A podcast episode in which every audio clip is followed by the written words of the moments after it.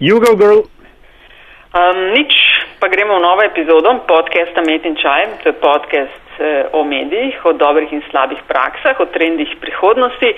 Gosti pa ljudje, ki delajo v medijih in lahko tako rekoč iz prve vrste povejo, um, kaj počnejo, kakšne rešitve predlagajo, kaj se jim zdi dobro, kaj slabo. Uh, in podcast Met in Čaj delava skupaj z Aljažom Pengovom Bitencem. Aljaž, zdravo.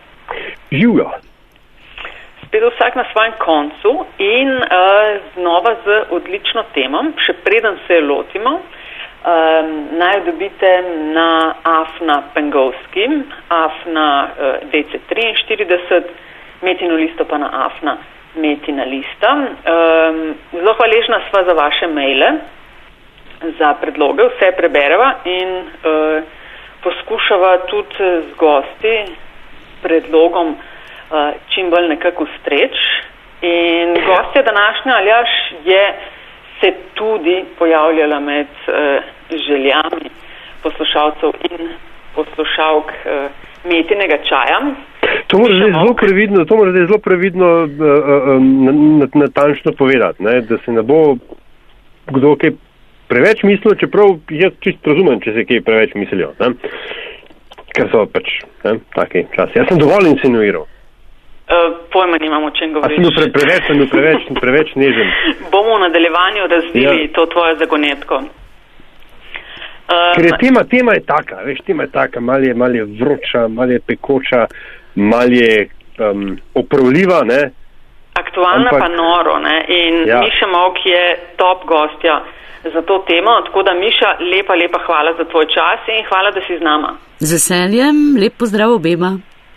Lej, tako kot sva napovedala na začetku, um, želiva s tabo govoriti o Euroviziji. 62. izbor, pa v finalni tekmi sta za nami. Uh, zdaj, ko to snemamo, je petek, uh, se pravi dan pred samim finalom. Uh, zdaj pa mišem nekak navada je v tem najnem podcastu, da se na začetku gostje predstavijo, povejo nekaj o sebi, o tem, Eh, kaj v medijih počnejo. Zdaj pa ti si čez to vajo šla že v številka, mislim, da je bila 46, spravi že kar nekaj časa nazaj, pa tako in tako te vsi, vsi v Sloveniji zelo dobro poznajo, ampak mogoče pa ne vejo vsi, Miša, da si ti po, tako bom rekla, relativno novem, tudi podcasterka. Ja, res je in to z veseljem počnem, ker vidim, da ljudje, če ni kamere, se bolj odprejo, z veseljem se odzovejo na povabilo, obravnavam, bom rekel, družbeno občutljive teme ali pa tudi z psihološkega vidika občutljivejše teme. Govorim o depresiji, o drogah, o samskih in samotnih. Eh, skratka, to so teme, ki se na nek način še vedno tabuizirane, mi pa jih odpiramo, o njem razpravljamo, komentirajo jih poslušalke in poslušalci, tako da je res to neko področje, ki bi ga z veseljem počela tudi na televiziji, ampak eh, je to, da je to v podkastu tudi zelo, zelo dobrodošlo in radi delamo. In podcastu je naslov Govori Mok. Ja, za razliko, da jaz sem Miša Molk, eh, podcast je pa Govori Mok. Um, ne vem. Fajn besedna igra. Fajn. Ja, večkrat se poigram s svojim priimkom in tako je nastal tudi ta naslov. Ja. Uh, le mi še tako um, smo rekli, Eurovizija. Ne? Ja, seveda. Tako, um, svoji, na svojem Facebooku si tedni med drugim zapisala, um, tako malo natančnejše opisala svojo povezavo. S tem, uh, pa za tiste, ki mogoče te objave niso videli, a poveš sam mal ti kako in kaj ti z Eurovizijo. Ker si bila vrsto let, si bila ne komentatorka, pa tudi v bistvu v skupini, uh, ki je nekako šivala srajčke za, za podobo, kakršna Eurovizija danes je. Ne? Res je, najprej sem bila komentatorka vrsto let, najprej še seveda v ljubljanskem studiju, kar v komentirnici, tako kot žal tedni tudi Andrej Hofer, ki mora komentirati iz Ljubljane. Čeprav je čisto drugače, če si na licu mesta, ko res prideš v sam kontakt z izvajalci in avtori. No, potem sem pa obiskala več teh prireditev in komentirala iz kraja samega dogodka. Bila seveda tudi osem let članica referenčne skupine pri EBU-ju, torej Evropskem radio, radiodifuziji, kjer smo skrbeli za pripravo in izvedbo Eurosonga. Najprej je bila to pesem za tekmovanje Eurozije, potem Eurovision in sedaj Eurosong. In seveda tudi kot odgovorna urednica sem skrbela za pripravo in izvedbo Eme, seveda s svojimi kolegi, sam tega pač ne moreš speljati. Ker tako je, Miša, te moram vprašati, ker uh, je Eurovizija je ena od unih stvari, o katerem imamo vsi svoje mnenje, tako kot uh, nogomet ali pa konkretno reprezentančni nogomet, ki ga ja. jaz spremljam, ker recimo klubskega ne spremljam. Ne? In se nam pa zdi, da tisti teden ko, ali pa mesec, ko recimo svetovno prvenstvo, vsi seveda vse vemo, poznamo vse bleve, beke, frizure, uh, vse vemo vsem. Lastimo si eh, gole. Ja. ja, ne, tako, ne, ja, veš, statistiko Jana Oblaka poznamo v nulo, ampak uh, in Eurovizijo je pa podobno šum še na nek način huje, ne. Ja, res se, prebudi se ta narodna zavest, ta strast, ta domov, okus, domovinska ne, ljubezen. Ta, ja, ali ne? pa, ali pa uh, mislim, ne, nek, kaj, kaj se tam rečem, ta flad, ne, pač vprašanje, če je to ravno ljubezen, ampak recimo, ok, ne, skratka, vsi o vsem vse vemo in vsem je seveda jasno, da smo A, slabi in B, nas, nas bodo spet ogolfali. Ja, prvič, eh, ne strinjam se ne za ne zbene. Ja, ja, eh, eh, A, da nas bojo spet ogoljufali, to je, to je neka, bom rekla, odzivnost in reakcija po razočaranjih in takrat se odprejo te mračne strasti in pridajo vsi slabšalni pridevniki na plan, ker pač navijamo za svoje in s porazom ali z neuspehom našega predstavnika se zdi, kot da smo tudi sami mi poraženci, kot prebivalci te iste dežele ali države. In prav tako, kot ste prej omenili, je seveda tudi pri nogometu, ko se nenadoma vsi spoznamo, kdo je igro uničil, kdo je bil najboljši, če ravno nismo ravno strokovnjaki pri tem. E, moramo se sprijazniti s tem, da gre za televizijsko predstavo, da gre za sodelovanje. Predvsem me malce v smeh spravlja to, ko smo tako strašno bom rekel, prizadeti in užaljeni, če se ne uvrstimo dobro, istočasno nas pa strašno strah, da ne bi zmagali, kako bi nam reč prireditev potem mi izpeljali. Dokler bodo ti dvomi. Ti dvomi so verjetno velika prepreka sploh do večjega uspeha, če ravno ne gre pozabiti, da smo imeli že izvrstna mesta sedmo, deseto, enajsto, trinajsto, tako da ni zgodovina naša tako uboga, revna, skromna, je pa vredno to res, da pričakujemo nek preboj saj v finale, čeprav bi se morali postavljati više cilje, ne dobro uvrstitev v samem finalu, ne pa samo preboj v finale. Mi vidi, kaj je bilo do zdaj najboljša uvrstitev uh, uh, finalna slovenska na Euroviziji? Nuša Derenda, sedmo mesto, Kibenham. Ener energy, ne? Energy, ja. Mm. ja. Miša, napisala si na svojem Facebooku, da v bistvu za večino uh, teh, ki nastopajo na Euroviziji ali pa Eurosongu, da za večino so to tri minute slavja, prvič, zadnjič in nikoli več. Uh, zakaj misliš, da je tako? Ker uh, ponavadi, mislim, imajo sicer države različne sisteme, kako vrščajo uh, skladbe, ampak vse en gre za neke uh, glasove v veliki večini gledalcev, pa en velik promo je ta sama prireditev. Kaj to pomeni, da se pošiljajo mm, bolj povprečne skladbe, da zato pol ni več minut te slave, ali je vse tako zelo napumpan, da se potem sprazni in ne gre dalje.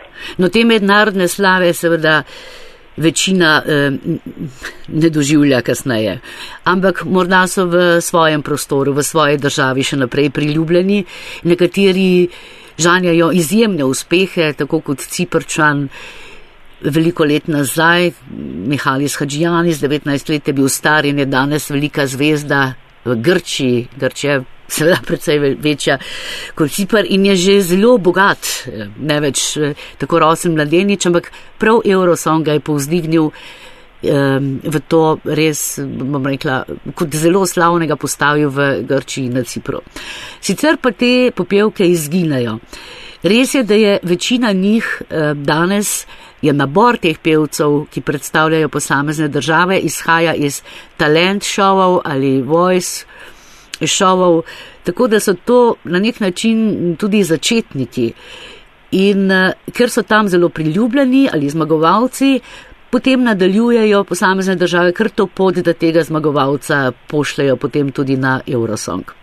Močne skladbe se je, oziroma, rekla, mora biti več dalo na to prireditev v letih, ko je bilo manj te produkcije, ko seveda še ni bilo CD-jev in tako dalje. In takrat je bil tudi ta, to tržišče manjše in takrat je kakšen uspeh res prežel tudi Evropo kasneje, ko se je ko je kdo zmagal na Eurosongu. Danes pa seveda temu ni več tako zlasti ne, če ne gre tukaj za veliko državo, ki za njo stoji dobra založba in dobra promocija. A, mogoče, mogoče ravno to, omenila si, ne, da gre v velikem, v večini primerov ali pa v velikem številu za ljudi, ki se, za glasbenike, ne, pevce, umetnike, ki se prvič srečajo s tem nivojem pozornosti, mednarodne ja. slave, odra in tako dalje. Kaj, kaj to naredi njim? To je zelo, zelo stresno. Zato se včasih razmišlja tudi o tem, ali so dovolj psihično močni te izvajalci, ali bodo prenesli tako velik odr, ta pritisk, pritisk eh, tudi zelo intenzivnega dela pred samim tekmovanjem, vaj, tiskovnih konferenc, novinarskih Eh, vprašanj. Skratka, to je velik fizični in psihični napor in morajo biti pripravljeni zlasti pa potem, če se jim zgodi slaba uvrstitev, ki jo jemljajo kot osebni poraz in se nekako zelo razočarani in strahom vračajo domov, ker na njih je teža cele države, naših gledalcev. Oni so v bistvu odgovorni za to, kako bo slavila naša država in če jim ta uspeh seveda Eurovizijski. In če jim to ne uspe, vem, kako težko so se nekateri vračali nazaj. Spomnim se Omarja Mabarja, ko je prvič nastopil v Kijevu, ki je rekel, da se sploh ne bi rad več vrnil, kako me bojo pa že na letališču sprejeli. Skratka, to so velike stiske, ki jih je treba dobro prenesti. Um, ja, ker izvoljene, Nataša. Veš kaj, v bistvu sem hodila to reči. Um, Zelo imaš nekako pod kontrolo celotno dogajanje, dost časa si bila zraven in si še vedno. Kaj so tako nekako po tvojem glavni meniki bili v razvoju same pesmi Eurovizije? Um, verjeten eden od njih, če smem enega omeniti, uh, ta, da se je zaradi večjega števila novih držav, da sta se dodali polfinalni tekmi. Ne? Res je. Da se je lažje nekako eh, spoprijelo z, s tem velikim številom. Ampak tako, sicer, kaj so bile po tvojem tako večje stopnice v tem razvoju? Če prvo omenimo, je recimo orkester. Včasih so glasbeniki nastopali z orkestrom v živo, tam A, je točno. seveda dirigiral Mojmir Sepe in Jože Privšek. To so bili ja, ja. časi, ko je bil. Ko je ta mogočni orkester dal, bom rekla, še neko monumentalnost temu nastopu. Eh, potem to, kar ste omenili, seveda uvedba polfinala in eh, dveh polfinalov, skratka od leta 2004, to ni več ena prireditev, ampak so iz ene postale, postali dve in iz, dve, iz dveh tri. Eh, seveda je pomembna tudi ta sprejetje pravil o jeziku, včasih so prepevali v, samo v svojem jeziku, tu je šlo res za to diversity, za to različnost, ki je bila letos slogan prireditve, da si poslušal tudi te jezike. No, zdaj je seveda to v pravilih, da je to povsem nezavezujoče. Tako da letos v svojem jeziku poje le šest držav. Dobro, če damo še Veliko Britanijo, ki poje v angliščini. Ja. Eh, drugače pa je samo Belorusija, Mačarska, Portugalska, Italija, Španija. Vse ostale pojejo v angliščini, za nekatere bi bilo bolje, da ne. Če dobro izgovarjajo angliščino, potem je to še nekako dopustno, če pa se z njo mučijo, potem bi bilo pa verjetno bolje, da bi peli v svojem jeziku. A pa če bi ti odločala, ali pet v lastnih jezikih ali pač karkoli si izberejo, kaj bi se ti odločila? Kakšen bi bil tvoj ukaz? Glede na to, da bi bili verjetno čista izjema, če bi dali to zapoved, da morajo nastopati v svojem jeziku, torej v slovenskem jeziku, bi bil to en presedan. Omejevati eh, izvajalce v jeziku se mi zdi tudi na nek način um, usiljevanje neke možnosti. Uh-huh. Osebno mnenje pa je, da če je skladba dobra, da s svojim jezikom absolutno ničesar ne izgubi. Morda pridobi nekaj tega svojega, svoje izpovedi. Mi grede všeč mi je, kako si uh, se temu reče, preklopila ne, v to um, profesionalno vikanje. Ne, Jaz sem ja. padla, me kar manj šanja. Ja. Nataša, ti pa govoriš o tekmah, ne, tako da to kot tem, kako sta obe sta padla noter v to spad. Zdaj moram sam še jaz to oglasovanje. Ja, zdaj moram še jaz kakšno o glasovanju povedati, ne, pa bomo vsak, vzeli vsak v svojem elementu.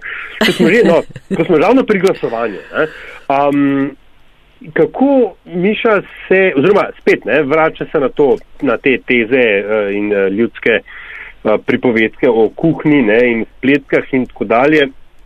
Uh, koliko ta menjava jezika? Ne, ja. um, jasno je seveda, da hoče na ta način doseči čim večje število, biti razumljivi čim večjemu številu uh, poslušalcev, gledalcev. Koliko ima to dejansko vpliva? Vpliva na rezultat? Ja, ja na rezultat. No, pač, recimo danes zvečer nocoj, ja. ko, ko pač bodo uh, uh, glasovali, ali bodo imele uh, skladbe, ki bodo odpete v angliščini, kakšno prednost pred recimo uh, portugalskim uh, fantom, ki bo tam hranil golobe v parku in, in pel neko meš, nekim med fadom in ne vem, kaj že v portugalščini. No, meni je ta skladba portugalskega pevca izjemno všeč, ker prav s svojim super, jezikom, je, je, je. prav, prav s svojim jezikom ponazarja, eh, tako in tako je odličen interpret, je zelo intimen sam svojo skladbo mhm. in jezik to nekje še poudari, je mehkejši. Eh, Očitno se lažje izrazi s svojim jezikom. Tako da sem prepričana, da prepevanje v angleščini ne pridaja točk pa je, uh, kaj pa, kaj pa recimo favoriziranje uh, enih, nekaterih izvajalcev v recimo drugih državah. Dokler recimo je bil samo televoting, mogoče bi o tem tudi kasneje lahko povedal, o tem preskoku iz striktno žiranskega glasovanja v televoting, pa zdaj zdajšno iskanje ravnotežja. Uh, ne, ene stvari so bile nekako um, podrazumljene. Ne? Nemčija je v televotingu vedno dala 12 točk Turčiji. Vsi vemo zakaj. Uh, Ja, Grčija, Turkov je tudi tam veliko. Ne? Je tako, ja, ne? tako ne? Ja. Grčija je dala 12 Turk Cipru. Ne? To je pa verjetno tudi ne samo zaradi geografske bližine, ampak tudi nekega, seveda, prijateljevanja, tudi nekega prepoznavanja zvoka, prepoznavanja besedila, blizu so si, poslušajo se prej. Moramo vedeti tudi to, da včasih smo prvič slišali skladbe na sami prireditvi. Mhm, Danes se uh -huh. video spote eh, posluša in gleda na YouTubu, na uradni strani pesmi Eurovizije, na Eurovision.tv, tako da tam vse to že prej slišiš in je, ni več tiste impresije, ko prvič vidiš in slišiš eh, izvajalca in popevko na dan same prireditve.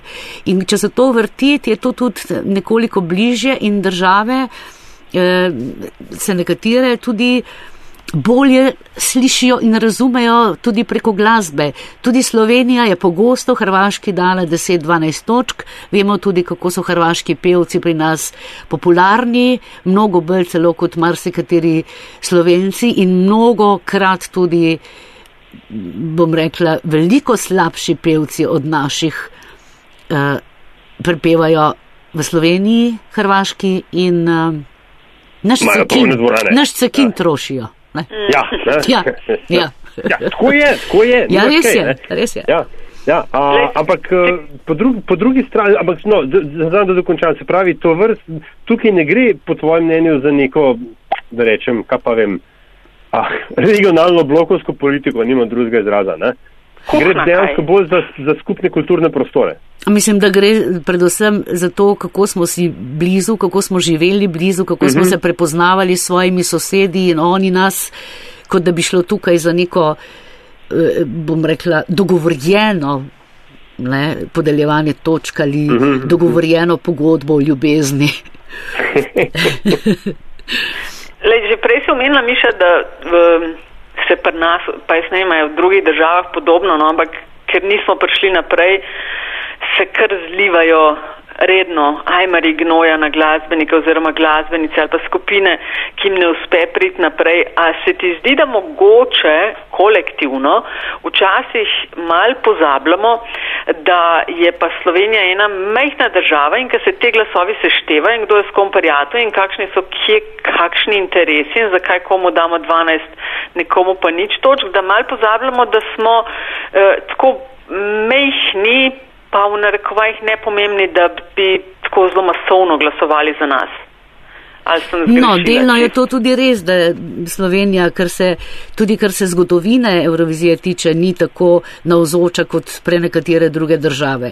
Prepoznavnost je seveda dobila tudi um, takrat, ko je bila Nuša Derenda sedma, pa tudi sestre so Eh, predvsej v pozitivnem smislu krive, da so zvedli za Slovenijo in se začeli ukvarjati z našim imenom in nas počasi razlikovati od Slovaške, s katero so nas dolga leta eh, zamenjevali in tudi zastavo Slovaška je že visela, tako da sem zadnji hip tekla tja in sem ga prosim zamenjajte, jo to ni slovenska zastava in smo tik pred prireditvijo potem tekli z našo zastavo.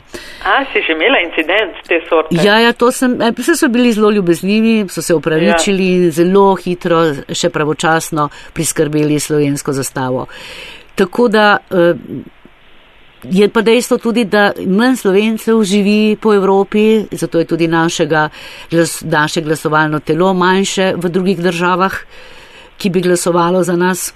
Nimamo posebnih diaspor in imamo seveda tudi eh, glasovalno telo šipkejše. Koliko pa je, pa je vendarle um, potrebno, ne, da rečem, uložiti v to, da bi država, da bi pač popevka ne, uh, izbrana, mogoče ajde ne zmagala, ampak da imela resnično dober prebojni rezultat. Kaj, kdaj je bilo v Azerbajdžanu vizija? Takrat se je govorilo, da je Azerbajdžan tone nekega denarja či za promocijo, za vem, hojo. Seveda je, Azerbajdžan se je resnično potrudil s promocijo, tudi Ukrajina takrat, ko je zmagala Ruslana. Ruslana je obiskala številne druge države že pred samim nastopom. Zdaj, koliko procentov in kako se to čuti pri samem eh, točkovanju, je zelo težko predvidevati in predvsem, eh, bom rekla, reči, da je to štelo in da je to bilo res vredno, ampak Ruslanov smo poznali že prej, preden je stopila na odr. Je pa tudi res, da je zdaj da se zelo meša tudi način glasovanja, da je zdaj polovica strokovna žirija in polovica telefonsko glasovanje, torej poslušalcev in gledalcev. Kar je pa pri strokovni žiriji bom rekla, zelo, zelo vprašljivo. Namreč strokovna žirija glasuje od 1 do 17 in uh, jutri od 1 do 26. Uh, zdaj pa vi veste, da od 1 do 26 se jih veliko znajde recimo na 8 ali pa 15. In zgodi se, da te, ki so se znašle v sredini pri posameznikih, se na koncu znajdejo zelo na vrhu. In je v bistvu to nek lažni prikaz njihovega glasovanja. Zdaj vam mogoče, či, zdaj me ta, zdaj me ta mehanika mečken zanima. Ne? Ti si, a si ti blagdaj v teh žirijah, ki so glasovali za potem v, v finalnih? Ne, nikoli. Ne. ne. Ampak mogoče veš, kako to zadnji zgleda? Torej, bila sem, eh, bila sem eh, ko smo imeli samo strokovno žirijo, jaz sem sporočala. Ja, no, to sem, to sem ja, ja, jaz sem poročala, sporočala dvakrat ali trikrat glasove in Slovenija je prav takrat, ko sem se oglasila kot zadnja eh, iz Ljubljane, smo mi eh, kot zmagovalko, je Slovenija kot zmagovalko naredila Silo, eh, Selin Dion. Če Slovenija, oh. če Slovenija ne bi glasove dala njej in uh, Veliki Britaniji takrat nič, bi zmagala Velika Britanija, Slovenija je povzdignila in naredila Celine Dion da, za zmagovalko pesmi Eurovizije. No, wow, si zgrešila Odločilen glas. britanski brexit iz, iz uh, uh, Eurosonga. Res je. Rekoč, no? ja, ja, ja. In je bila popolnoma šokirana, ker kazalo in ni. In so samo še na nas čakali takrat. Ne. A pa obstaja Miša, uh, čaka si, bi reš ti še kaj okrog tega glasovanja? Ne, ne. Uh, Mehanike. Mi bo, mi bo zihar še kaj, kaj, kaj v, v, A, no, v okay. glavo prišlo. Ja. Um, a obstaja Miša, eh, ker tako se, se zdi, da je en tak, sicer vsakič drugač, pa od države do države različno, ampak se zdi, da, da nekako ta format Eurosonga, Eurovizije je kar dober znan. Pa obstaja za komade neka formula, da se ve približno, tako veš, ko se stavljajo kakšne eh, filme uspešnice, pa vejo, ne vem, kakšen morajo igravci biti, pa eh, zaplet, pa srečen konec. Ja, ta dramaturški lok in to. Ja. Obstaja pri muski tudi kaj, da se da, ok, če bo po, tem, eh, po tej formuli narejena, ima šanse, da bo uspešnica oziroma ima šanse, da gre dobro čez, čez kolesje Eurosonga. Jaz mislim, da tega še sami glasbeniki in avtori ne vedo. Eh, Zelo veliko je opiranja in, eh, bom rekla, na nek način razmišljanja o tem, kakšen naj bo refren, da naj bi bil refren udaren in potem so si vsi ti refreni strahovito podobni. Ko čutiš, da na začetku nekam pelje, da celo pripoveduje neka, neko zgodbo, da je melodika lepo teče, se potem zgodi štancan refren ker naj bi bilo to pisano v, za uho, da bi to potem hitro ljudje prepoznali in prepevali.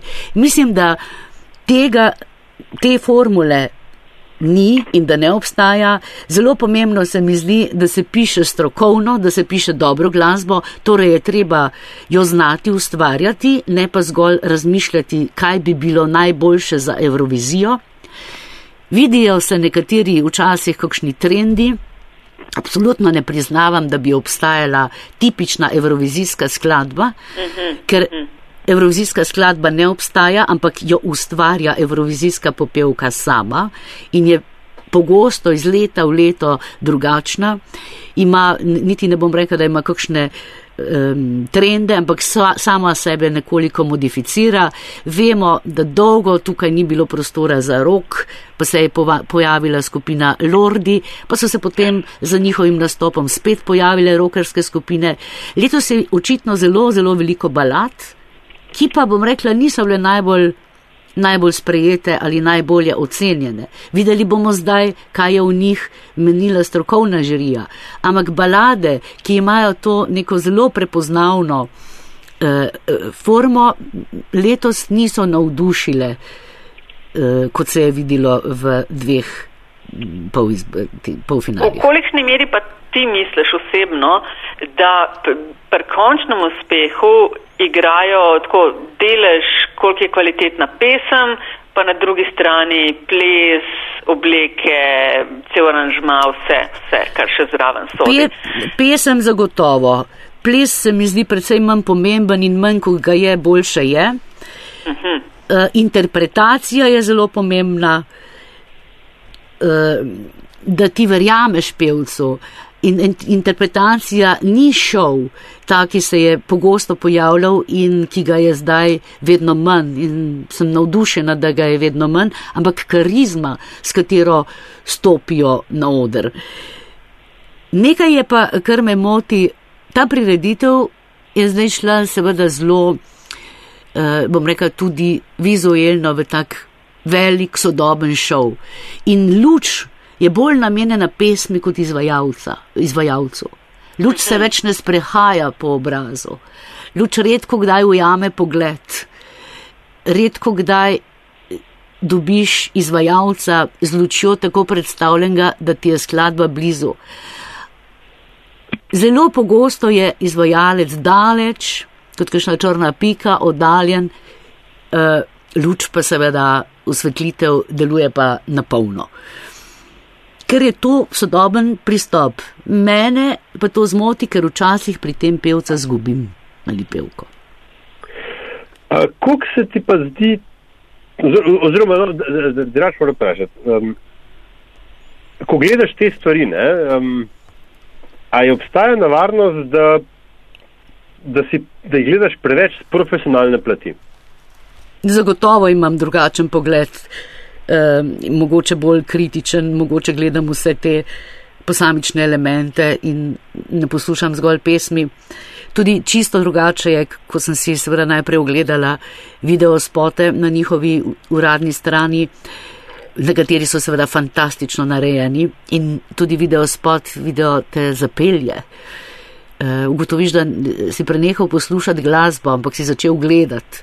In je potem to, ko jih vidiš na odru, povsem druga pesem in se mi je kar nekajkrat zazdelo, aha, a to je to. In sem bila manj navdušena, ker so zelo, zelo res dobri videospoti od nekaterih držav, izjemni. Ker prezenca na odru je nekaj, kar pogosto imaš ali pa nimaš. Ne? Video spot se da napedenati, glasbo se da naproducirati, z matrico se da velik narediti, back vokalistke so tam, pa back vokalisti, če je treba res pomagati. Ne? Ja, back vokalisti so več ali manj zdaj že v nevidnem polju. Ja, ne. no, recimo, ja. Ne? če hočeš biti res old school, jih daš na odr, ne? ampak, ampak uh, tega, ne, da pa, da pa nastopajoči, izvajalec, hkrati prevzame in publiko v dvorani in pa seveda, da je še telegeničen, ne? to je pa že kar visoka prečka za preskočiti. Mislim, da je to tudi zelo pomembno, tole oboje, ta prezenca ali karizma, ali kako temu rečemo. In seveda ta, ta prepričljiv nastop z dobrim vokalom, če je glasba dobro narejena, no, to ne. To, ne more biti zelo, zelo poenostavljeno. No? To se more človeka dotakniti, predvsem se pa pri marsikaterem pevcu vidi, da ne ve, o čem poje. In to gledalec na nek nedefiniran način prepozna. Se pravi, je tukaj pomembna zgodba. Tako kot so nas vedno učili v medijih ali pa vsaj televizija, zgodbe, zgodbe, zgodbe, gledalce mora identificirati zgodbo, da je tudi pri pr komadu in pa celi zgodbi, ki en izvajalec prenese na Eurosong, pomembno to. Se mi zdi, da so, ne vem, prej si omenjala uh, te finske lorde, pa zdaj ne ocenjujem glasbe, ker nisem za to strokovnjakinja, ampak neki so imeli, kar jih je očitno potegnil čez. Omenila ja, si sestre, ne? Sestre so tudi imele neko zgodbo. Ne? To je res, sej pogosto pridajo ljudje zgodbo. Tudi Dana International je prinesla zgodbo. Ja, ja. Veliko prej smo končita, vedeli vse, ne? končita tudi. Ampak je pa res, no, končita je izjemno dobro odpela, ne, uh mhm. -huh. seveda, bom rekla, ne nekak sodobnega, sodobne pesmi, ampak je dobro odpela. Dana International je kljub temu, da je bila ne ona, ne ona, ampak ono, kot se je sama pošalila, imela boljši, boljšo zgodbo, kot je pela. Um, Lordi so prinesli verjetno tudi tako, kot pravi Aljaš, maske na oder.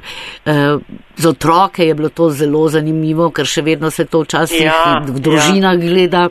Ja. Eh, prinesejo pa včasih tudi slabo zgodbo s sabo, tako kot letošnji hrvaški pevec Žak, ki se je sicer mhm. uvrstil v finale, ampak je sabo prinesel zelo negativno zgodbo, kot eh, prepoznali so ga kot homofobičnega, ker je dajal veliko takih izjav še doma, preden se je odpravil in se je moral tudi zagovarjati veliko vprašanj, ker se tega njegove homofobije tiče, je bil deležen in se moral kar braniti.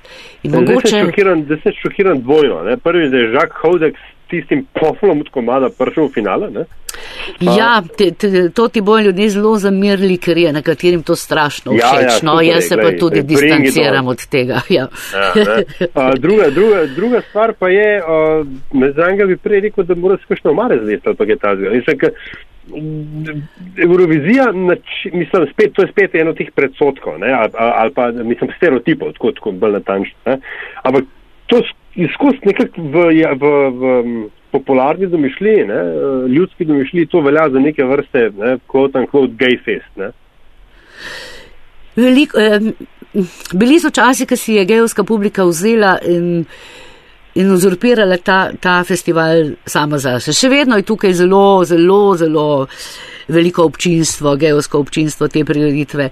Ampak ne, tako kot eh, je bilo včasih to nekak družinska oddaja, je ostala še zmeraj. To se pravi, da ima zdaj drugačno in bolj raznoliko publiko. Ima še vedno tiste mame, ki so včasih ščiro gledale to, to sem jaz svojo mamo gledala, ker je ona gledala.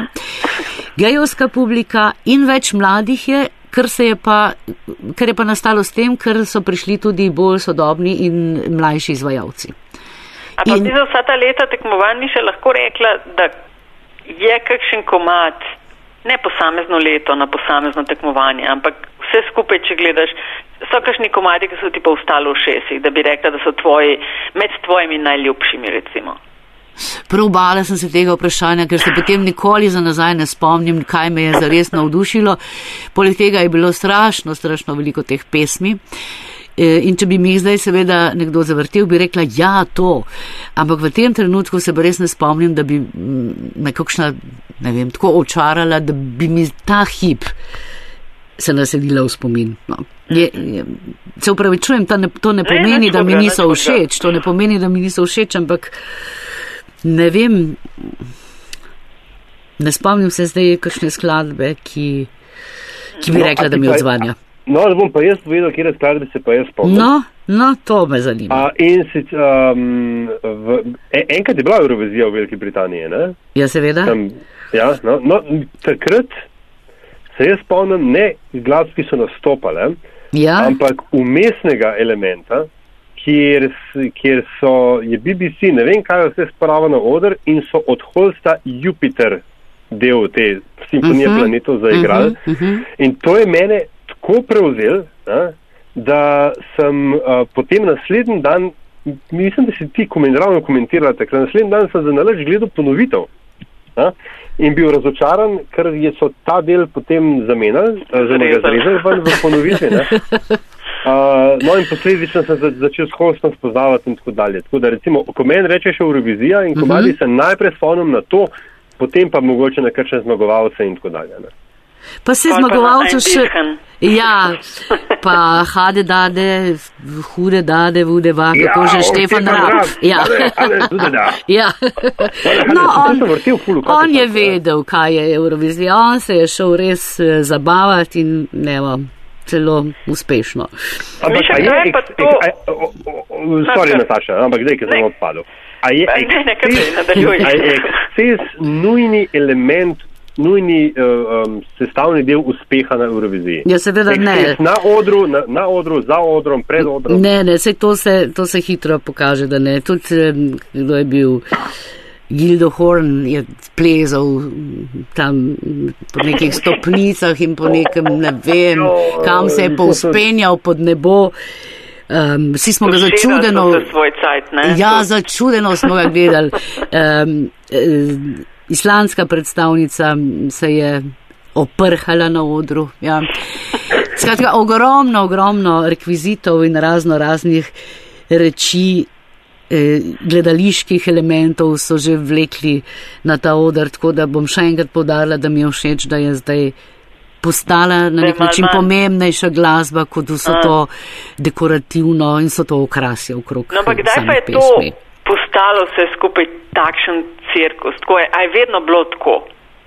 Ne, ne, ne, seveda je, bila, je bilo tekmovanje za pesem Eurovizije samo lepa, elegantna obleka, moški s kravato, ženske z toaleto in to je bilo to na, na samem začetku. Uh -huh. Potem so bili prvi, prvi take drugačnosti, so bile bose pevke, ne, Sandy Show pa še, zdaj je bilo že kar ene pet bosih. No. Skratka, se poskuša na nek drug način mm, pozornost recimo tudi vzbujati.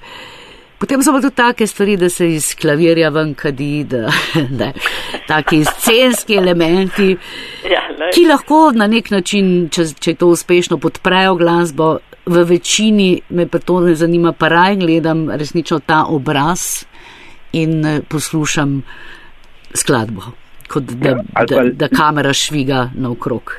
Led lučke na rokah, recimo. Ne? Ja, to smo imeli pa mi. Ja, ja. ja. Alenka Gotar. Ja. Ja, ja, ja. A se lahko država odloči in zmaga na, zato sem že vprašal na Evraziji, oziroma drugače, ti si bila en del projekta, ne, da mu tako reči, projekta Feste, ne, z Ja. komadom ja. Samo ljubezen, ki, kot sem, ki zdaj, kot ko se tako pogovarjamo, takrat se je zdelo, da ima vse, kar bi komad rabo za to, da, da zmaga na Euroviziji. Res je, takrat sicer Slovenija ni bila tako prepoznavna kot ravno po tem našem nastopu, ko so se začeli zanimati, kje je ta zdaj mala državica Slovenija. Eh, pesem je bila, mm, bom rekla, odlična v tem paketu, tako tudi predstavljena. Sestre so bile strašne profesionalke, od jutra do večera napedenane, brez pripombe, v visokih petah, s krvavimi žulji. Pogosto so si kje pod stolom hladile stopala in snega čevlje gorponce, da vas ne, slučajno ne slikajo. To je bila ena zelo, zelo delovnih ekip. Te punce so bile fantastične oziroma fantje. Res pa je, da tonsko pa takrat ni vse štimalo, ker so bili back vokalisti zelo odprti, glasni in si včasih slišal tudi glas uh, Jadranke Juras, ki je šla čez sestre. In to, kar smo potem v Ljubljani poslušali, smo videli, da tonsko pa ni bilo najbolje narejeno. Miks tonski pa ni bil dober. Se pravi, so nas zajebali. Jaz bi lahko rekla samo to, da bi to lahko veliko bolje zvenelo, če bi bilo to, eh, če bi bili ti, bom rekla, reglerji, ne, pravilno je odprti. Ja. Če bi, Ja. bili, če bi bili tehniki RTV Slovenija, to, to se je hotela povedati. Ne? Ja, kakor kdaj. Ja. ampak ampak uh, mi, čist en, en tak ko- košček, košček trivije, uh, ko, je bila, ko je bil finalni zbor v Zagrebu, ne, Ja. ja. kaj je bilo leta 90, ko je ta, Ribe Čorba je zmagala 89, Rock Me Baby in potem Zagreb, Tajči in tako dalje. Takrat je velik del uh, uh, tehnike in tega je uh, Ljubljanska takrat še TV hiša delala. Ne? Ja, res je, tukaj smo bili odlični in zelo veliko krat so nas prosili za pomoč in smo tudi zelo dobro speljali. Res je. Bili smo, ja. Um, bili smo zelo dobro opremljeni in izurjeni, no, kar se tega tiče. Ja. In če bi slučajno, slučajno se zmagali in naslednje leto recimo Slovenija zmaga uh, in potem, ki, ki bi pri nas to sploh imeli tako prireditev? V stožicah, ki bi jih morali končno urediti. Mm, cel paket. Ja. Ja, ja.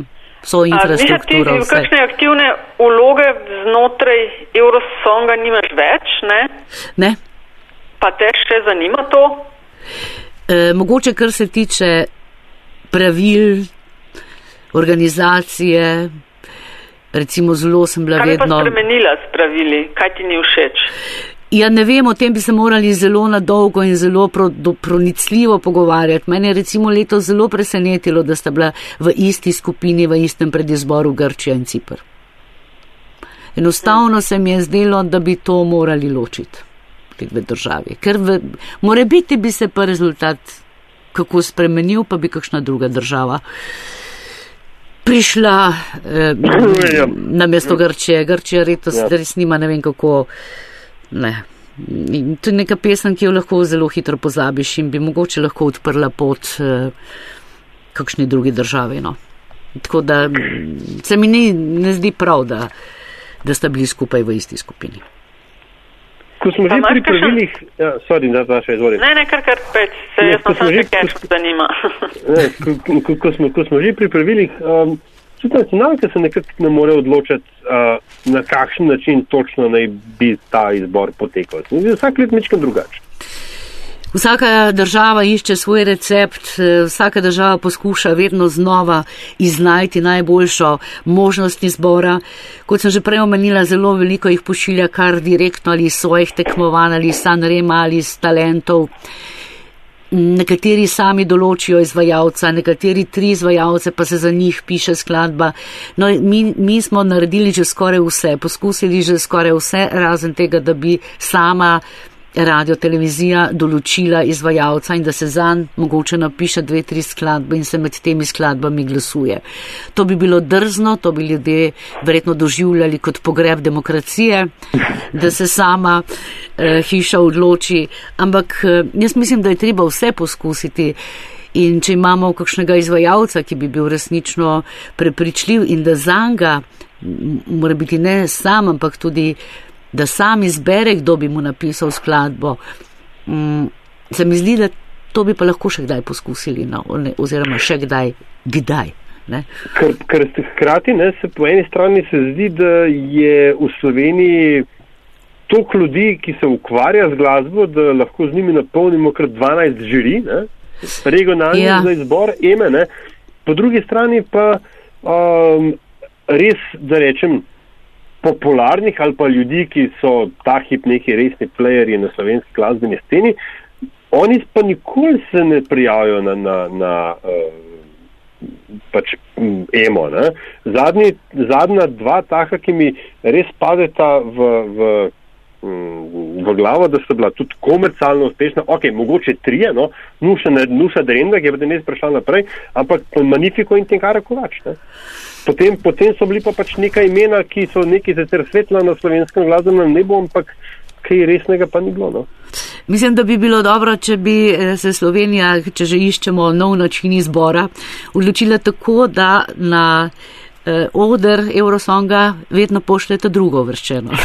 e, to, ja, to, pa bi prišla ja. Silja, pa zakaj, to bi prišlo noter, jaz sem za. Ja, druge so vedno. Ideja, ja, to eh, tekmujemo za prvo, na Eurosong gre druga.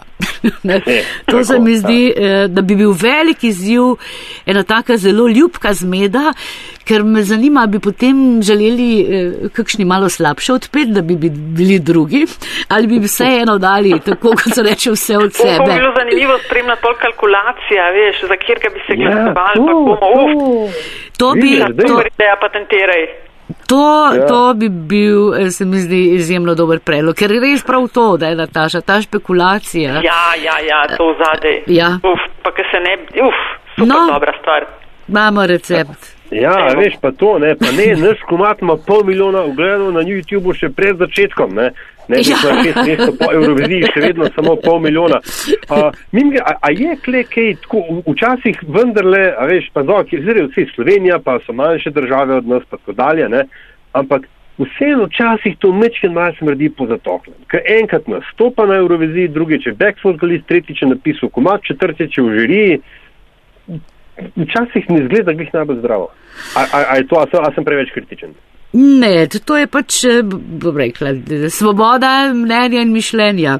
Je pa res, da se tudi številni um, pevci, izvajalci pojavljajo in ponavljajo. Po trikrat, štirikrat ja, grejo. Ja, ja, ja. Uh, ne, isti na ta odr preizkušati srečo.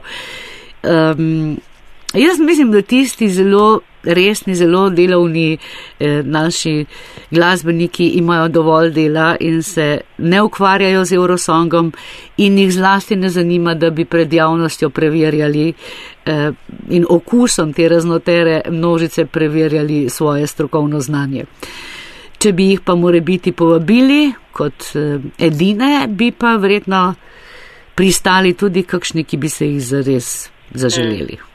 Mi še jaz sem še vprašanje okrog keša kakšnega. Imaš kakšen občutek ali pa informacije, koliko eh, organizacija in takšne prireditve, kot je Eurosong stane in pa če kaj veš, koliko je slovenski del stane, koliko Slovenija plača za to. Zelo težko bi bilo primerjati, koliko to in reči neko vsoto, ki bi veljala za vse države.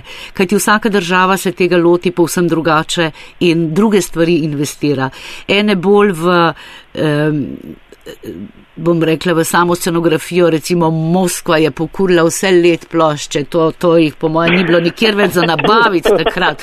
To so bili na tleh, na stropu, ob stranih, ampak naredila je seveda krasen šov. Drugi dajo manj na scenografijo, pa več na bom rekla, opremo teh dvoran za tiskovne konference, za mogoče to druženje ob tem. Nekatere imajo zelo veliko prostovoljcev in prostovoljci vozijo delegacije z avtomobili, zelo veliko, vedno več prostovoljcev je zraven. Vem pa, da recimo velike države lahko zaradi samega turizma in druge ponudbe, hotelov in tako dalje, lahko celo kaj zaslužijo s tem. Večina pa pokrije prireditev. Seveda tudi s participacijo posameznih držav. Vemo, da največ plačajo te velike pet in da je velik strah, da bi kakšna odšla stran, zato je tudi bila eno, eno veliko pričakovanje in ena strašna blaženost, ko se je vrnila Italija s svojim prispevkom, ker to omogoča tudi potem dobro prireditev.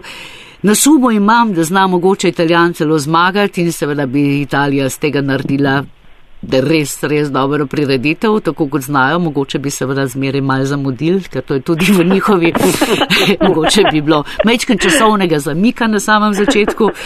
Ampak skratka, tudi s to participacijo in potem seveda svojimi, včasih smo imeli tudi panevropskega sponzorja, zdaj tega več ni, tega interesa, ampak svojimi lastnimi sponzorji, tudi pokrovitelji, tudi pridobivajo neka sredstva pa je treba, morajo medijske hiše za participacijo, tako kot je včasih pri kakšnih velikih dogodkih, a morajo akreditacijo plačati?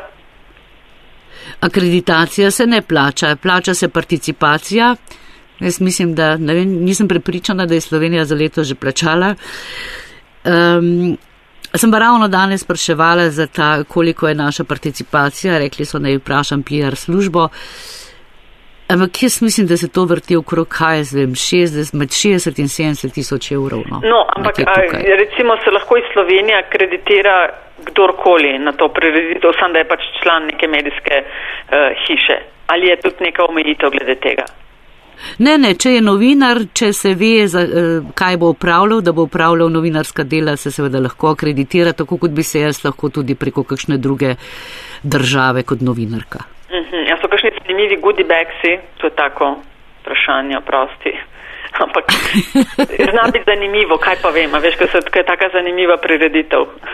To bi kaj pomenilo, Nataša? Tisk novinar dobi, ko prevzame akreditacijo. Pribi, a je, a je sam kuli pa bloke? Ja, kuli je. Ne, ne, ne, ne vem, vem. Želela sem povedati, da tega je bilo včasih zelo veliko. A res? To so bile um, države, ko smo nosili kozarce, ko smo nosili seveda iz Grčije te njihove, eh, bo rekla, eh, ne, ne, ne, to so bile te uh, kipci, glineni njihovih, njihovih bogin in bogov in tako dalje. Zdaj tega, zdaj tega res vedno, vedno manj, ne, teh daril.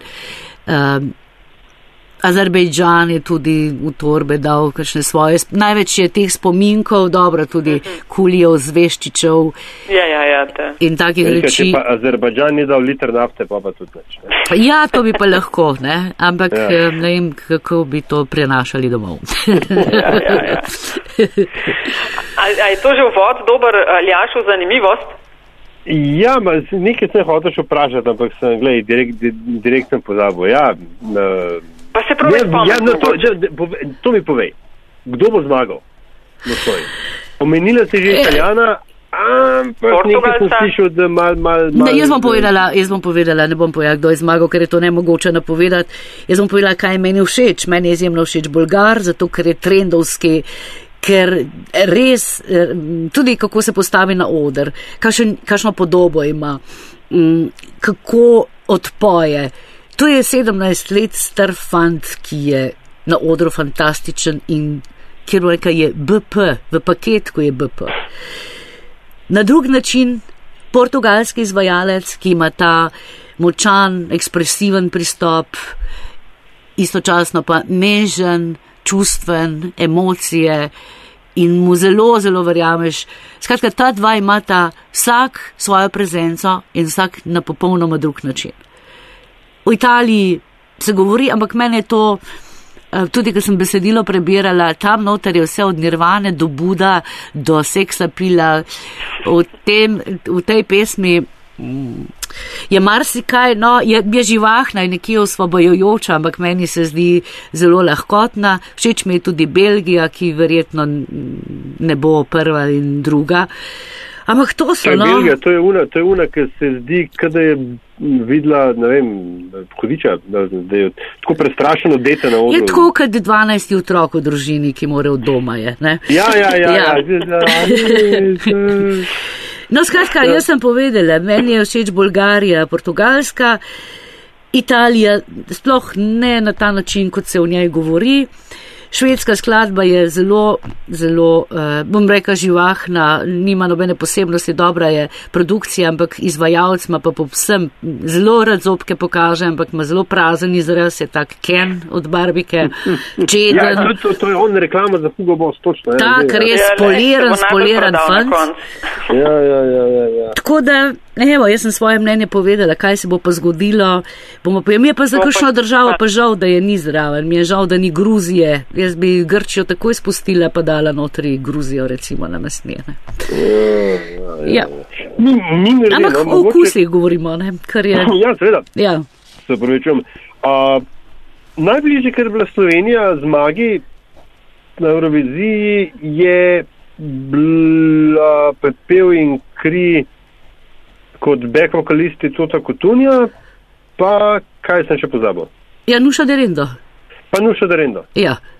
ja. Majem Nuša Derendo takrat je bila res zelo, zelo, zelo blizu zmage. No? Veljala je za med favoriti, torej med prvimi tremi, na koncu je bila sedma. In mislim, da je imela eno izjemno težavnejših nalog, namreč ona je pela na stadionu, tam je bila množica ljudi. Tudi priznala je seveda, da je strah tega. Zelo spoštujem izvajalce, ki ta strah priznajo, ker kot, kot smo na začetku že govorili, to je strašna odgovornost. Ne. Mm. Zato tudi mislim, da bomo Omarja sprejeli tako, kot se sprejme človeka, spoštljivo in z enakim odobravanjem, no, kot smo ga tudi poslali. No. Dajmo, evo, Nataša, predn, predn končamo, ne, mislim, da je uh -huh. uh, vendar prav, da še malo Omarja oberemo. Ne. Uh, prej sem ti, Miša, mečil naprej vrgu, da bi mogoče znala gledati skozi preveč profesionalne uh, uh, oči, ne, vso, vso, vso to produkcijo. Uh, ampak, ko sem jaz omaril, ko ima slišal, ne, pa meni se je zdel spet tako, vse je bilo tam.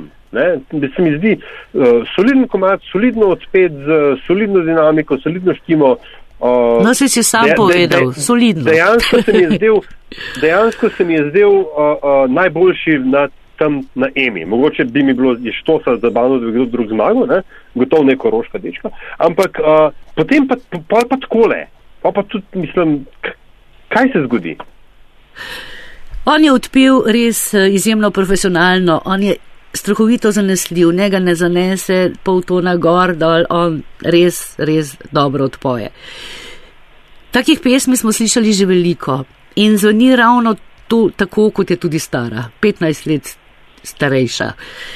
Takrat si jo je napisal pred 15 leti in pravi, da je čakal na ta trenutek. Bolje bi bilo, če ne bi povedal, kdaj jo je napisal, oziroma da bi jo pred 15 leti tudi potem eh, prijavil in z njo nastopil, ker se čuti neko, se pravi, to je zelo korektno, odličen pevec, ampak ne bom rekel, da se začuti neko praznino, ampak mm, če zelo v narekovaju rečem, morda je nekoliko starikav, starikava pesem. In v tej ponudbi, v kateri se je znašla, očitno ni dobila dovolj zaledja glasov. Je pa tudi ponovno, bom povdarila, ta način glasovanja strokovnih žiri je na čista zmeda. Ker res, vse, ko bomo videli rezultate, bomo videli, koliko točke dobil od strokovne žirije, ker na to je verjetno tudi računal, če že ne na glasove gledalcev in poslušalcev. Ampak to, da oni ocenjujejo v takem velikem diapazonu, v takem velikem številčnem razmerju, pomeni, da vedno to sredino pririneš na vrh in mm. da morda tisto, kar je dobro, ostane tam nekje pomešano s temi, ki niso najboljši. Mi še nazaj moraš v strukturo odločanja in pomagati jim sprevideti to, da bi se dal to boljš glasovanje. Ja, Naš človek v EBU, ali ja, ti sam pa četverin v UEFA in evo, potem ja. pa kar naenkrat ne, vse pride k nam. No, za to delovno telo je bilo res. Um, Mislim, da smo naredili res veliko dobrega in koristnega dela in s temi spremembami formatov in spravili in tako dalje. Tako da, sej pravim, Eurosong modificira samega sebe in bodo verjetno tudi ta skupina, ki zdaj dela eh, na vsem tem sprevidela, da so verjetno potrebne spremembe, eh, ko bomo videli tudi, kakšni bojo rezultati v soboto in mora biti tudi kakšen pogovor o obeh polfinalih, ki so pustila neka razočaranja pri predvidevanjih o umestitvah. Mm -hmm. Zanimivost? Mm -hmm. Ok, Miša, ti dril že poznaš, ker si že bila gostja metinega čaja. E, na konc gosta oziroma gostja vprašava vedno isto vprašanje in sicer, da z nama deli neko zgodbo, zanimivost, priporoči, ne vem, knjigo, misel, nekaj, kar njega samega oziroma njo navdušuje, e, pa bi želel to deliti z občinstvom ali pa se mu oziroma jizdi da bi znalo publiko uh, to zanimati. Si mogoče razmisliti na kaj o tem, ta tortura na koncu? Ni tortura in meni to ne povzroča velikih težav, ker se ravno ukvarjam, prebiram eh, medijski pojmovnik, ko se pripravljam na naslednjo gostjo oddaje, ki bo govorila o sodobnem načinu komunikacije, digitalizaciji, o vseh strojih, s katerimi eh, komuniciramo in na katerih platformah se slišimo in, Aha, in se beremo. In me ob To bo tem. zgoraj brez. In to bo zgoraj brez. Ja, Super. mm, no, doktorica Melita Zajc bo moja gostja in z njo bova o tem govorili. In prav v tem, ko sem zdaj to prebirala, sem gotovila, kako je resnično človek poln različnega načina komuniciranja vsak dan, ne prenehamo, imamo prste na neki tipki, ne prenehamo neko, neko zvočno onesnaževanje o sporočilih, klicih. V bistvu pa zelo malo še pristno komuniciramo oziroma poslušamo se samo toliko, kolikor imamo časa, preden se oglasi že naslednja mašinca. In se mi zdi, da je treba zelo razmisliti, kako se bomo vračali k pristnejšemu komuniciranju oziroma kako bomo sami sebi dali možnost, da bomo bolj pretanjeno slišali in tudi more biti več povedali, kadar se zares pogovarjamo. To nam manjka, ja, da, bi se, da, da bi se znali bolj poslušati. Ja. Ja, čas je res hiter, ampak jaz mislim, da je ta izgovor, nimam časa, postal res izgovor. Uh, in da se ne posvetimo več, da smo prehitro sami zadovoljni. Ne? Sorry, kaj si rekel, vi sem Twitter gledal. Lum, lum. Miša, Ja. ja. pa tudi na Twitterju, točno, lej, da ne pozabimo ob koncu. Lej, lepa, lepa ti hvala za uh, tvoj čas. Um, Z veseljem. strašno Zanimivo. Uh, kje se da tebe dobiti na Twitterju? Jaz mislim, da sem posod kar Miša Molk. Aha. Um, pa seveda, če uh, vas zanima uh, zelo zanimiv podcast, govori Mok, uh, tisto oddajo razkri uh, zgoraj brez, uh, čak to imaš enkrat na mesec, ne? To je mesečna oddaja, je pa v Ja, nedeljo ja. zvečer. Ja. Mm, super termin. Um, a si zadovoljna? E, Zelo sem zadovoljna, moram edino to povedati, da po zimi zelo zebe, ker snemam na Ljubljanskem gradu brez korjave. Au, ja, uf, ja, točno. Ja. Uf. Tam je bil, t- a veš, da je bil v točno tistem prostoru, je bil, mislim, da drugi tweet meet. Ja, je bil, ja. Ne, ne tweet meet, festi, festival, tako. Ja, ja, je Festival bil, je bil. Je bil res. No, Ja, zdaj je ja. zelo prijetno v, v teh dneh po zimi, je pa zelo naporno, ker Je je strašno je. mraz in zdaj iščemo možnost gretja. Evo, vse dobro, Miša, lepa hvala, da si bila gostja. Tudi vama, tudi vama. Metino listo, evo na in če nam želite poslati mail info.afna.metinalista.si, sicer pa na Twitterju lahko podsukate za rokav daljaža na afna pengovski, na mojega na afna DC43, na metinega pa na afna metina lista. In uh, res lepa hvala za podporo metin listi v vseh oblikah, v, katerim, v katerih vam je ta blizu. Hvala lepa.